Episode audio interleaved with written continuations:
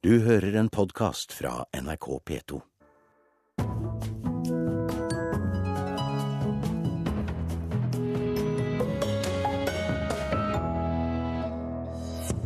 Høyblokken bør få stå, mener partner i LPO Arkitekter, som var med å skrive rapporten om det nye regjeringskvartalet. Fra lufthavn til lufthavn. Språkrådet vil ha nynorsk på tre av flyplassene i landet, også på Bergen lufthavn, eller var det lufthavn Flesland? Og sist Frank Ocean spilte i Norge, avbrøt han etter 20 minutter. HV-festivalen tar sjansen på en ny konsert, og vi får rapport fra festivalen, som starter i dag.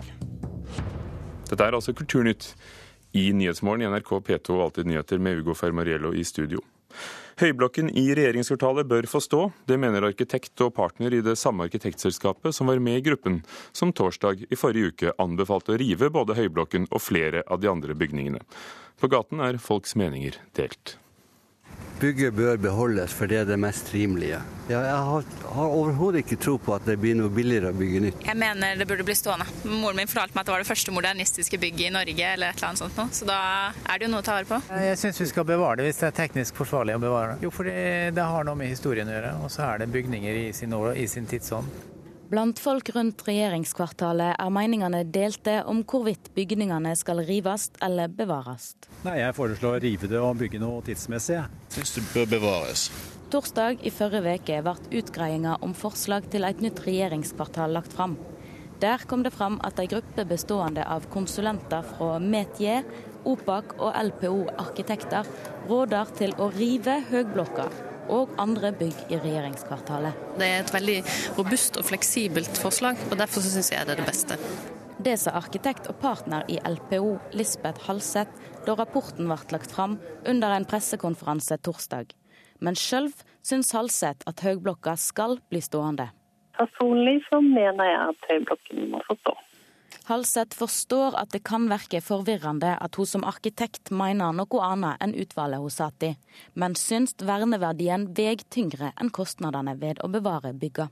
Det er jo da et poeng at det er jo ikke vårt syn. Det som kommer frem i KVU-en, det er jo eh, en anbefaling, en eh, faglig anbefaling. Også at vi mener noe annet som arkitekter, det skjønner jeg at kan være forvirrende. Direktør i stiftinga Norsk Form, Andreas Vaa Berman, går rundt blant bygningene i regjeringskvartalet. Nå står vi her midt mellom Høyblokka og Y-blokka. Berman mener LPO burde ha gjort det tydelig i utgreiinga dersom de var for bevaring.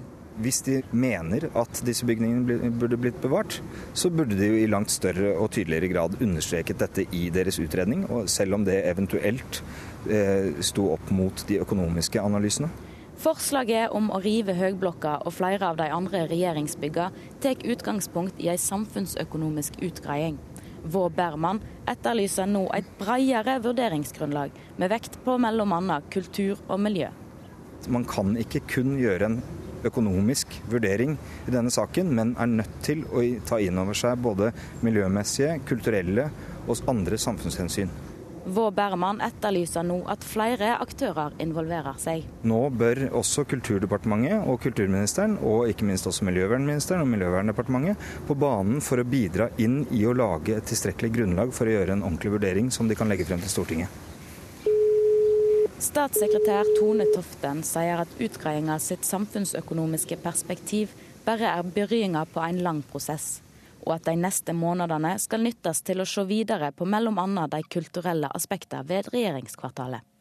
Eh, det er viktig å ha med seg at det er flere steg i en sånn prosess. Og Det er første steget som er tatt nå med de forslagene som vi nå har fått på bordet. De skal kvalitetssikres, og så skal man ha inn alle de andre aspektene, sånn som bl.a. Eh, hva slags kulturverdi som er i regjeringskvartalet, før man tar en endelig beslutning. Og Det er det regjeringa som gjør til slutt sa statssekretær i Fornyingsdepartementet Tone Toften. Reportere var Maria Pile Svåsand, som vi hørte i reportasjen, og Camilla Yndestad. Agnes Moxnes, kulturkommentator i NRK, hva tenker du om at det arkitektfirmaet som i rapporten tok til orde for riving, nå vil bevare Høyblokken? Det tror jeg kommer av at de ikke har lyst til å være det arkitektkontoret som gikk inn for riving av eh, Høyblokka. Eh, og det var jo faktisk det inntrykket som ble spredt eh, sist torsdag, da de tre rådgivningskontorene, LPO Arkitekter inkludert presenterte denne utredningen for et nytt regjeringskvartal. Og LPO Arkitekter er et ambisiøst arkitektkontor som består av arkitekter som har hatt Høyblokka og Erling Viksjø på pensum i alle år. Eh, norske arkitekter liker Erling Viksjø. De mener at han er en viktig premissleverandør for dem og for norske arkitekter. Så jeg tror nok det er derfor kontoret nå har fristilt seg selv til å mene det de vil om denne saken her. Også Riksantikvaren vil frede både Høyblokken og den Y-blokken ved siden av. Eh, og er det, de, er det gode argumenter nå for de som vil bevare? Ja, altså Dette er jo et drypp til, da kan vi vel si. Det som også ligger under her, var jo det vi hørte fra Norsk Forums eh, direktør. At det at man ønsker å skape en debatt om det mandatet som slike utredningsgrupper gjerne får som altså da er å gi en samfunnsøkonomisk analyse, og ikke i samme grad svare på spørsmål om kultur og vern og, og miljø. Mandatet fra Fornyingsdepartementet til denne gruppen som utredet et nytt regjeringskvartal, det var å vurdere Høyblokken ut fra et samfunnsøkonomisk perspektiv. Eh, hvilken interesse er det departementet viser i saken? Altså Departementer og utredere de tenker sånn som departementer og utredere alltid har gjort. De analyserer for så å sette en prislapp på oppgaven de har fått. Men problemet her blir jo veldig synlig med en eneste gang. fordi at debatten som har kommet etter at denne utredningen ble lagt frem på torsdag, den handler ikke om regjeringskvartalet som sådan, om det er riktig å ha det lagt midt inne i byen, om det blir spredt, om pengebruk, om man skal bygge, faktisk bygge nytt. Nei, den har handlet om én en eneste ting, og det er nettopp om kultur og vern, altså om man skal rive Høyblokka eller ikke. Er det gode argumenter for nettopp det, riving? Altså Hvis du ser på de samfunnsøkonomiske argumentene som kommer frem i denne utredningen, så er egentlig ikke de veldig sterke. Fordi at Der står det at det koster 400 millioner ekstra over 50 år eh, å, bevare Høyblokka. Eh, og det, hvis man regner på det og dividerer og holder på med den slags, så ender vel det opp i ca. 8 millioner kroner i året, tror jeg, som er de ekstra kostnadene vil, som vil påbeløpe hvis man lar Høyblokka stå. Det er pengene, men det er jo en opphetet debatt som går. I dag i Aftenposten skriver en meget erfaren tidligere departementsråd som har jobbet i kvartalet siden 70-tallet, eh, om at det bør rives, for det er helt uhensiktsmessig. Eh, og det er sterke meninger på begge sider av saken. Hva ender det med? Ja, det er jo det store spørsmålet. Eh, her er det, Dette er jo ikke den sittende regjering som skal bestemme dette her. Det er den regjeringen som trår til på, utpå høsten. Det som er interessant her, er jo at det er, jeg tror det er veldig jevnt fordelt i partiene, altså folk som vil rive og de som vil bevare Høyblokka. Så jeg legger jo merke til at partiledere er de eneste som ikke mener sterke ting om denne Høyblokka så langt. Men Agnes Moxnes, hva er prosessen fremover? Ja, Nå er det denne kvalitetssikringen, og da skal man jo da nå gå inn og diskutere også vern og kultur og miljø og den slags. Og så får vi se hvilken anbefaling som kommer fra den regjeringen som sitter ved makten i 2014.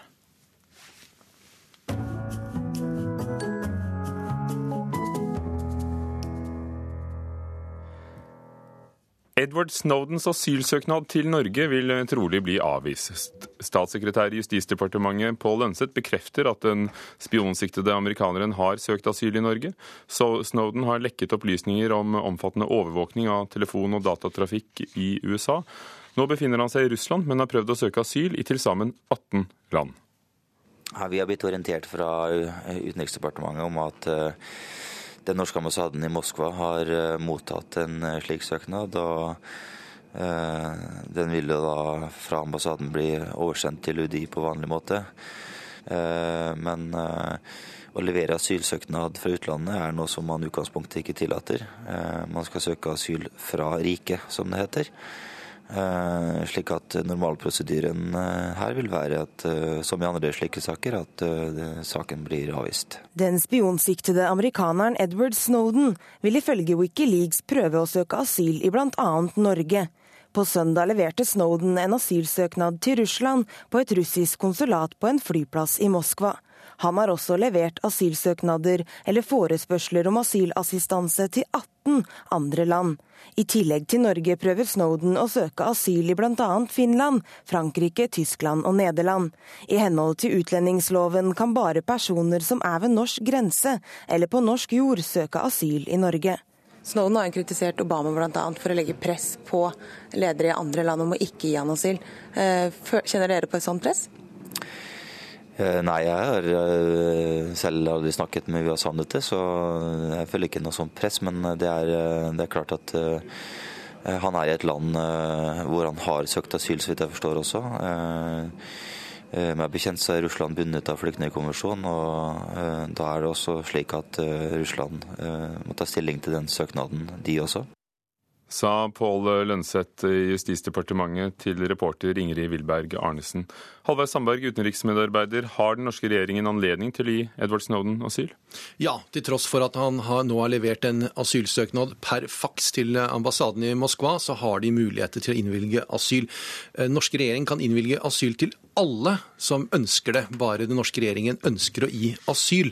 Og eh, på spørsmål til Justisdepartementet i dag så ble det antydet at den norske regjeringen ikke ønsker å gi asyl til Snovden. Snowden. Men de kan det altså i eh, teorien. Det som har fått større oppmerksomhet internasjonalt, er jo at han har søkt asyl til Russland, som det ble kjent i går kveld. Og Putin har også uttalt seg i saken. Er det sannsynlig? At han vil få det? Altså Putin har sagt ja, bare kom, du skal få asyl eh, hos meg. Eh, og eh, den russiske menigmannen, altså folkene på gata, sier også jo, han burde jo få beskyttelse av oss, for det han har gjort, det er noe veldig bra. Men Putin han har lagt til en liten setning, nemlig at han må slutte med sin lekkasjevirksomhet. Altså Han må ikke komme noe som kan skade vår venn USA mens han er i Russland og under russisk beskyttelse. Og der har du egentlig et veldig stort problem. Så det kan være at eh, Putin sier ja, men likevel så sier han nei med dette. På hvilken måte er dette en del av et eh, politisk spill mellom stormaktene? Altså, eh, Putin har da helt klart forstått at den menima, altså opinionen i Russland, støtter Snowden, og da er det vanskelig å være den diktatoriske mannen som sier nei, absolutt ikke. Og da åpner det seg for at han kan si ja, men likevel ikke ja med å gjøre noen finurligheter med det at han ikke skal fortsette sin lekkasjevirksomhet. Er det ventet flere lekkasjer fra Snowden? Ifølge Julian Assange, som da sitter i husarrest den ekvadorianske ambassaden i London, så absolutt. Det er flere ting som er på vei. Og eh, Julian Assange sier også at det er ikke mulig å stoppe den videre publiseringen av materialet fra. Snovden Snowden skal ha da eh, lagd en fil som ligger der ute, som en torrent-fil, slik at han ikke kan presses av noen myndigheter til å stoppe sin lekkasjevirksomhet som vil komme videre. Og Det gjør det også slik at hvis han nå får innvilget asyl i Russland mot at han stopper sin lekkasjevirksomhet, så vil det likevel kanskje komme ting, og da har han ikke lenger den asylbeskyttelsen. Takk skal du ha, Halvard Sandberg, utenriksmedarbeider. Du hører en podkast fra NRK P2. Klokken er passert 16 eh, minutter over åtte. Overskriftene i Nyhetsmorgen. Presset øker mot Egypts president Mohammed Morsi. Også hæren ønsker at Morsi trekker seg nå, sier professor Bjørn Olav Utvik. Sånn som situasjonen er nå, nesten uansett hva Morsi vil tilby opposisjonen, så vil de si nei, fordi de regner med at eh, militæret vil gi dem Eh, det de ønsker, nemlig at Morsi går av.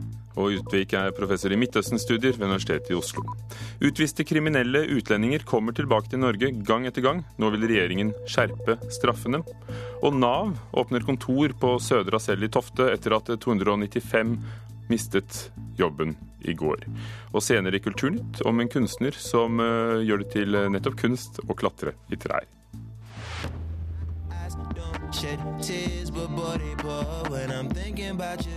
Dette var fjorårets beste plate, mente mange kritikere om Frank Oceans Channel Orange. Torsdag skal han spille på HV-festivalen på Tromøya i Arendal. Ocean har spilt i Norge bare én gang tidligere, og da avbrøt han konserten etter 20 minutter foran publikum på Øyafestivalen i Oslo. Trine Åndal, musikkanmelder i NRK P3, god morgen. Ja, god morgen. Jeg er her. Musikkanmelder i P3, du skal anmelde konserter underveis, og vi nevnte så vidt i sted. I år kommer Frank Ocean. Han skal spille på torsdag. Kritikere har utropt ham til øh, å ha laget fjorårets beste plate, men sist han var i Norge, da avbrøt han etter 20 minutter. Eh, tar de en litt vel drøy sjanse på Hovefestivalen?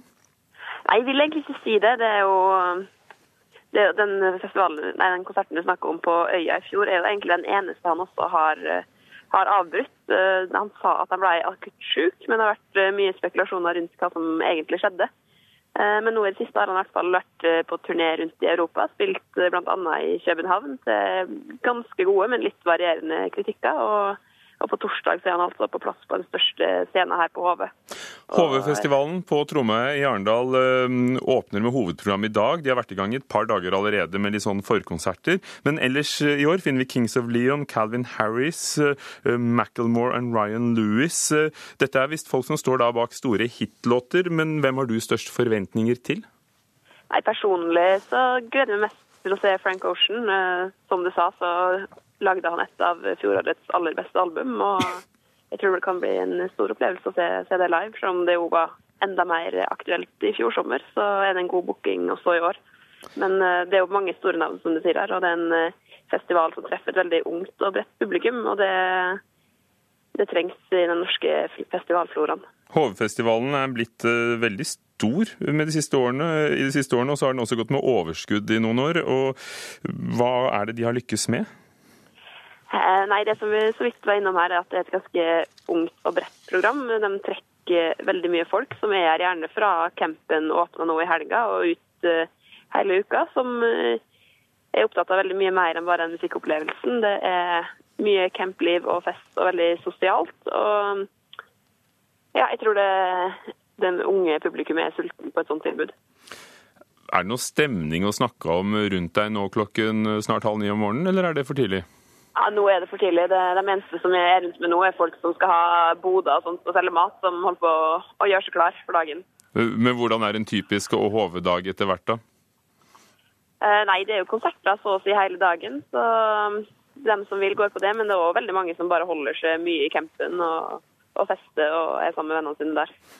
Trine Åndal eh, fra P3 på HV, takk for at du var med også i Kulturnytt. Og du kommer også til å anmelde konserter etter hvert på nett. Og vi kommer tilbake i Kulturnytt med en anmeldelse av Frank Oceans andre forsøk på en norgeskonsert.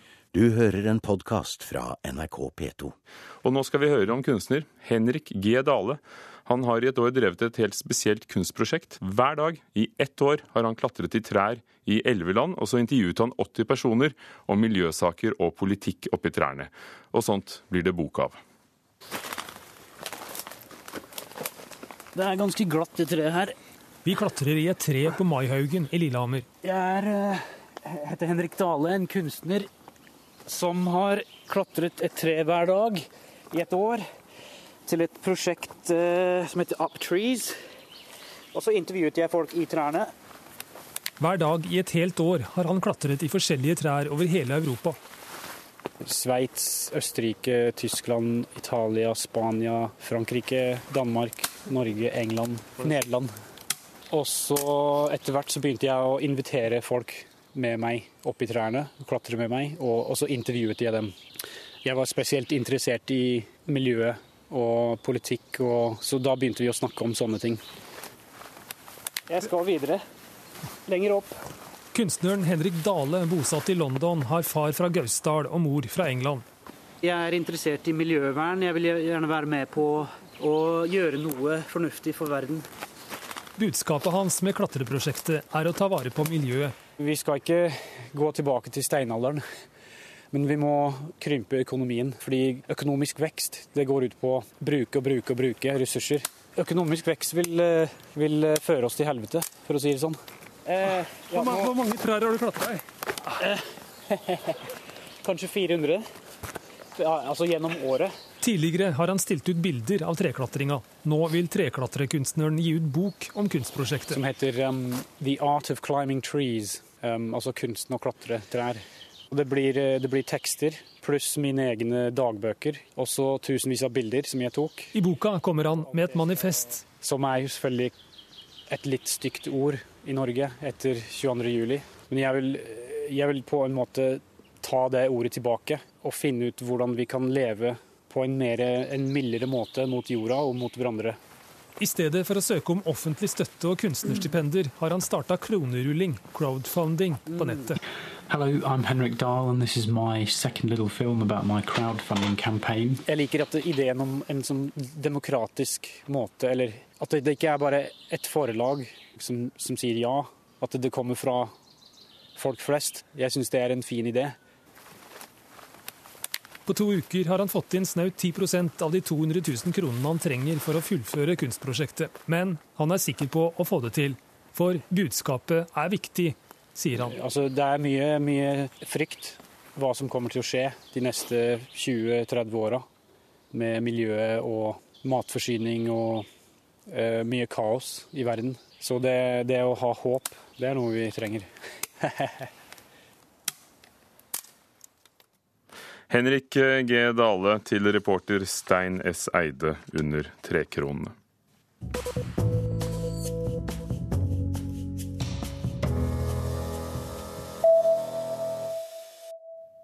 Norske foreldre er altfor opptatt av å dokumentere sine nyfødte på sosiale medier, og nå slår jordmødre alarm.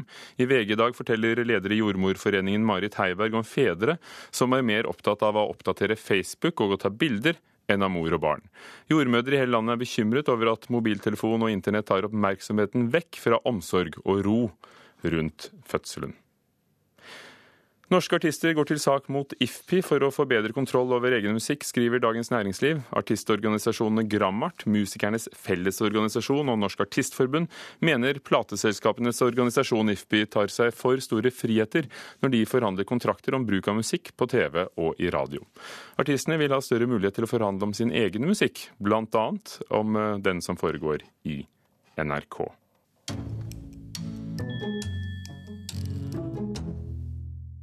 Språkrådet ber Avinor, som driver flyplasser, skifte ut bokmålet på bl.a. Bergen lufthavn Flesland og flere andre flyplasser.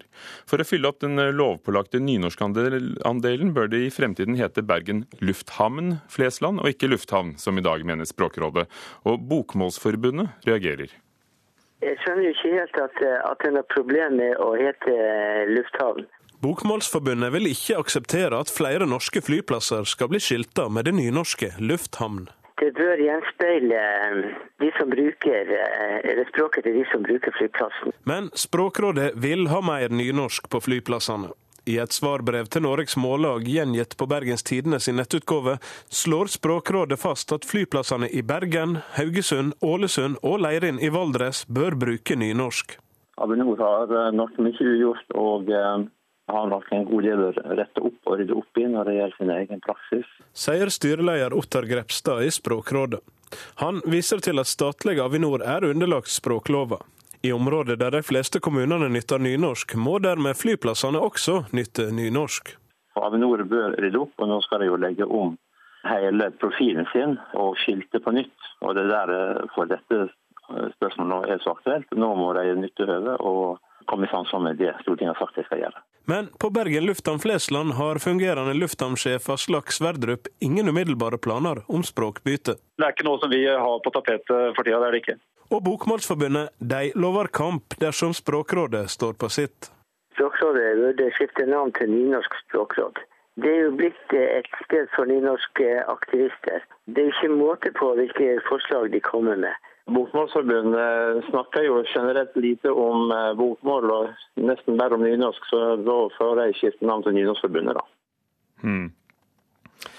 Det var eh, reporter Vidar Gudvagen som laget saken om eh, Språkrådet, som vil at det skal brukes nynorsk på flere av flyplassene i Norge. En stor kunstbiennale er under planlegging i eh, Oslo. Med den nye kunstinstitusjonen i Oslo befester vi oss både på nasjonalt og internasjonalt som kunstdestinasjon, sier kulturbyråd Halstein Bjerke. etter planen skal den første Oslo-biennalen for offentlig kunst holdes i 2016. Og i sommer utlyser Oslo kommune ut to kuratorstillinger. I Kulturnytt i dag har vi hørt at høyblokken i regjeringskvartalet bør få stå. Det mener eh, arkitekt og partner i det samme arkitektselskapet som var med i gruppen som torsdag forrige uke anbefalte å rive både høyblokken, Y-blokken og flere andre av bygningene i regjeringskvartalet. Edward Snowden, som varslet om USAs overvåkning av internett, har også søkt asyl til Norge, men søknaden vil sannsynligvis bli avslått, sier statssekretær Pål Ønseth i Justisdepartementet til NRK. Han har også søkt asyl til Russland, og president Putin sier at Snowden kan få asyl hvis han slutter med lekkasjevirksomhetene, men det er neppe sannsynlig, for ifølge Wikileaks så vil eh, disse lekkasjene fortsette å komme fordi de allerede er lagret. Kulturnytt var ved Beate Haugtrø. Halvor Haugen og Ugo Fermarello dører på Nyhetsmorgen i NRK P2 og Alltid nyheter.